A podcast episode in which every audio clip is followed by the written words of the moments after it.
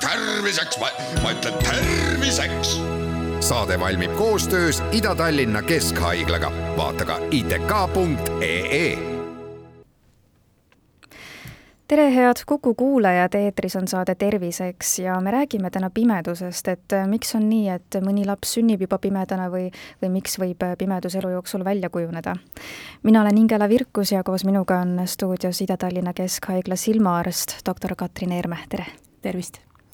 Viieteistkümnendal oktoobril tähistati ülemaailmset valge kepi päeva, mille eesmärk on siis pöörata tähelepanu neile inimestele, kes on nägemisvõimest kas täiesti või osaliselt ilma jäänud, et oskate te öelda, kui palju meil on neid inimesi Eestis, kes ei näe või on osalise nägemislangusega? kogu puudega inimeste hulgast nägemispuudega inimesi Eestis on umbes üks kuni kaks protsenti täpset statistikat Eestis paraku tehtud selle kohta ei ole, Äh, maailmas on teada, et äh, nägemispuudega inimeste hulk ulatub mitmekümne miljonini ja need põhjused äh, riigiti on väga erinevad, arengumaades on selliseid haigusi, mis on ravitavad, aga Eesti on juba arenguriik ja meil nägemispuudega inimesed on sagedi kas väga kaugele arenenud silmahaigusega, no või siis neil on haigus, mis on juba tekkinud sündides teeme kohe mõned Eestis kasutatavad mõisted selgeks, et kes on näiteks nägemispuudega inimene? et äh, nägemise puhul me hindame lisaks nägemisteravusele inimestele veel ka vaatevälja ulatust, nende kahe silma vahelist koostööd, nende värvitaju ja ka näiteks, kas neil esineb ähm, pimedas nägemise häireid. ja kõik patoloogiad, mis siis äh, põhjustavad kas siis selle teravuse langust või vaatevälja defekti suuremist, mõjutavadki seda, kas inimesel on siis nägemispuue või mitte. Et äh, nägemispuude puhul inimesi jaotatakse selliselt, et kas äh, neil on äh, täielik pimedus, sel juhul nende nägemisteravus on äh, alla null koma null kahe protsendi ja neil on väga suur vaatevälja defekt, või on need siis vaegnägijad, sellistel inimestel nägemisteravus on siis alla null koma null viie ehk alla viie protsendi. Äh, ja neil on ka vaatevälja defektid võivad esineda.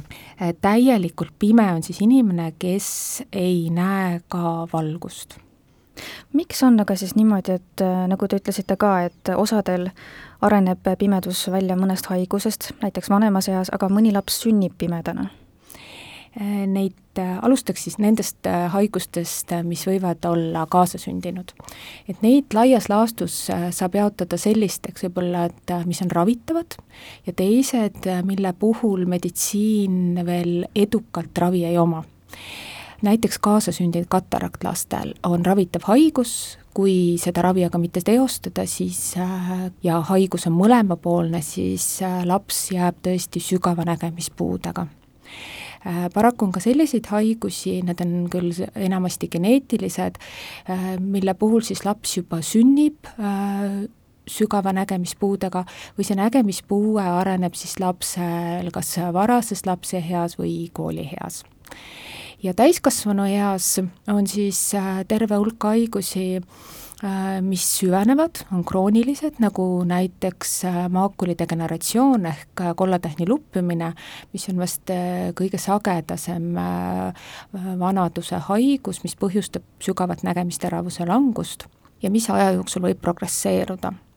see haigus on ka raviga siiski kontrollitav ja ravitav, kuid haigust ennast me välja ei ravi siis on terve hulk äh, haigusi, mida mitte ravides võib ka patsient äh, vanemas eas kaotada nägemise, nagu näiteks katarakt, mis on siis ravitav operatsiooniga.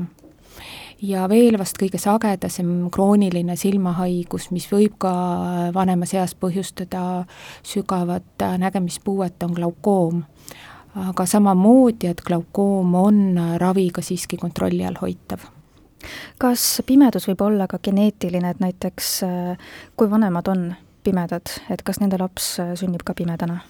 Äh, jah, see võib nii olla, on selliseid geneetilisi haigusi, aga paraku on ka mm, sageli niimoodi, et selline geneetilise silmahaigusega laps võib sündida perre, kus mõlemad vanemad on terved, aga nad võivad äh, olla lihtsalt selle haiguse mutatsiooni kandjad ja, ja laps siis äh, saab selle haiguse äh, kandluse ning temal see haigus ka avaldub. on selliseid haiguseid tõesti, kus juba ühe-kahekuusel lapsel me saame aru, et ta ei näe aga on ka selliseid geneetilisi haigusi, kus äh, laps võib näha, näha ka veel kooli minnes, aga see tekib siis näiteks koolieas aegapisi nägemisteravuse langus. Äh, ja lastel võib esineda ka näiteks äh, silmakasvajaid, nii nagu ka täiskasvanutel ja samamoodi, et äh, kui äh, see haigus areneb väga kaugele ja kui ta juhtub esinema veel mõlemas silmas inimesel, siis see võib põhjustada olulist nägemisteravuse langust. Milliseid uuringuid siis silmaarstid teevad, et õige diagnoosini ja põhjuseni jõuda, et minu meelest vist on niimoodi, et kui laps sünnib, siis tehakse haiglas kohe juba nägemiskontroll, lapsel me ju nägemist otseselt yeah. kontrollida ei saa. et äh, meie ise ütleme, et nägemisteravust äh, me ikka kõige paremini saame määrata siis, kui laps meiega juba juttu räägib et näidata talle tabeli järgi pilte ja, ja küsida siis, mida ta näeb ja sel viisil siis hästi objektiivselt äh, hinnata, et palju see nägemisteravus äh, on eraldi silmadel. aga enne seda, kui laps veel juttu hakkab rääkima, siis me saame hinnata seda, et kas laps üldse otsa vaatab, kas ta jälgib asju ja Eestis tegelikult sellesse jälgimisse on kaasatud meil äh, ka perearstid. Äh, esmase silmade kontrolli teevad äh, lastearstid haiglas. Äh, vaadatakse üle, kas on olemas silmapõhjarefleks, see on just oluline selle jaoks, et äh, hästi varakult avastada selliseid silmahaigusi, mida on võimalik ravida ja mida varem avastada, mida varem ravida, seda parem on see ravi efektiivsus. näiteks just see kaasasündinud katarakt. edasi ühekuuselt perearst juba visiidil vaatab ka, kas laps hakkab otsa vaatama, sest üks ajaline terve vastsündinu peaks ühekuuselt hakkama äh, silma vaatama, pilku fikseerima, emad äh, saavad sellest tavaliselt väga hästi aru, sest äh, laps hakkab neile ka naeratama selles vanuses. Kahekuune laps juba hakkab asju jälgima ja nägemisteravus areneb lastel tegelikult kuni seitsmenda eluaastani ehk eh, üks eh, kahe-kolmeaastane ei pea veel teps mitte nii nägema, nagu üks täiskasvanu näeb. ja iga vanuse jaoks on olemas oma normatiivid lapse eas eh, ja kolmeaastaselt perearstid või siis pereõed tavaliselt esmaselt hindavadki laste nägemisteravust ja järgmine nägemisteravuse hindamine, kui muret varem ei ole, on siis juba kooli minnes, et siis kooli minnes laps peab nägema mõlema silmaga eraldi vaadates sada protsenti, nii nagu täiskasvanu. Selline diagnoos, kui laps ei näe või ongi tegemist siis pimedusega, see ehmatab kindlasti ju lapsevanemad äh, väga ära, et äh, ma kujutan ette, et te puutute nende vanematega tihti kokku, et millised on nende esmased sellised äh, tunded ja mõtted, sest et kui nägijate perre sünnib ikkagi pime laps, siis see tähendab väga suuri elumuutusi ja elukorralduse muutust mm. -hmm, kahtlemata, äh, sest äh, enamasti inimestel ei ole ju varasemat äh, kokkupuudet ka nägemispuudega inimestega. Ähm, ma arvan, et sõltub see sellest, kas see haigus on see, mida me saame ravida. Siis ju on alati lootus, et asi läheb paremaks laps ei jää ikkagi täiesti pimedaks. aga teine juhtum, kus me kahtlustame mõnda geneetilist haigust, mida me tegelikult, kui me vaatame silma sisse, me ei pruugi saada seda diagnoosi täpselt panna, me saame kahtluse, äh, mida me peame siis hakkama oma uuringutega kinnitama.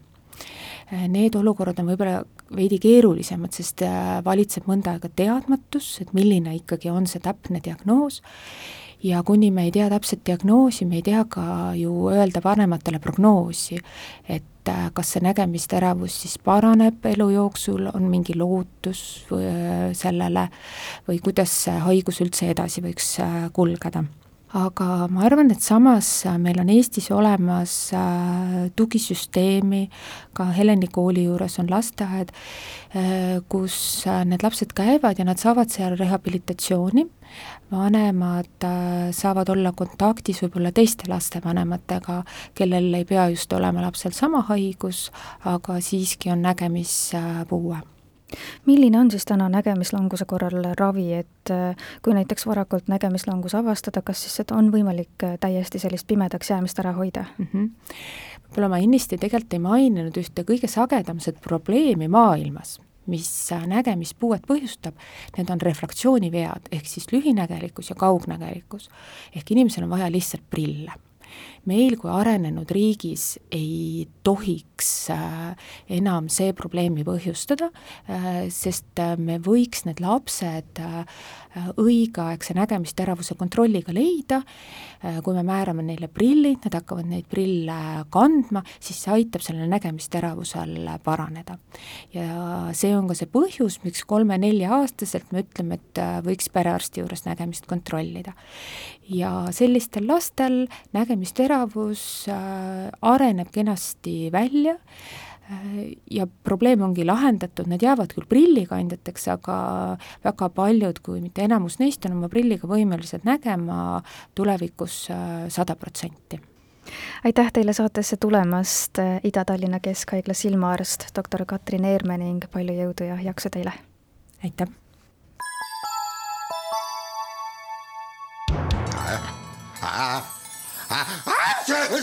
Terviseks, ma ütlen terviseks. saade valmib koostöös Ida-Tallinna Keskhaiglaga, vaata ka itk.ee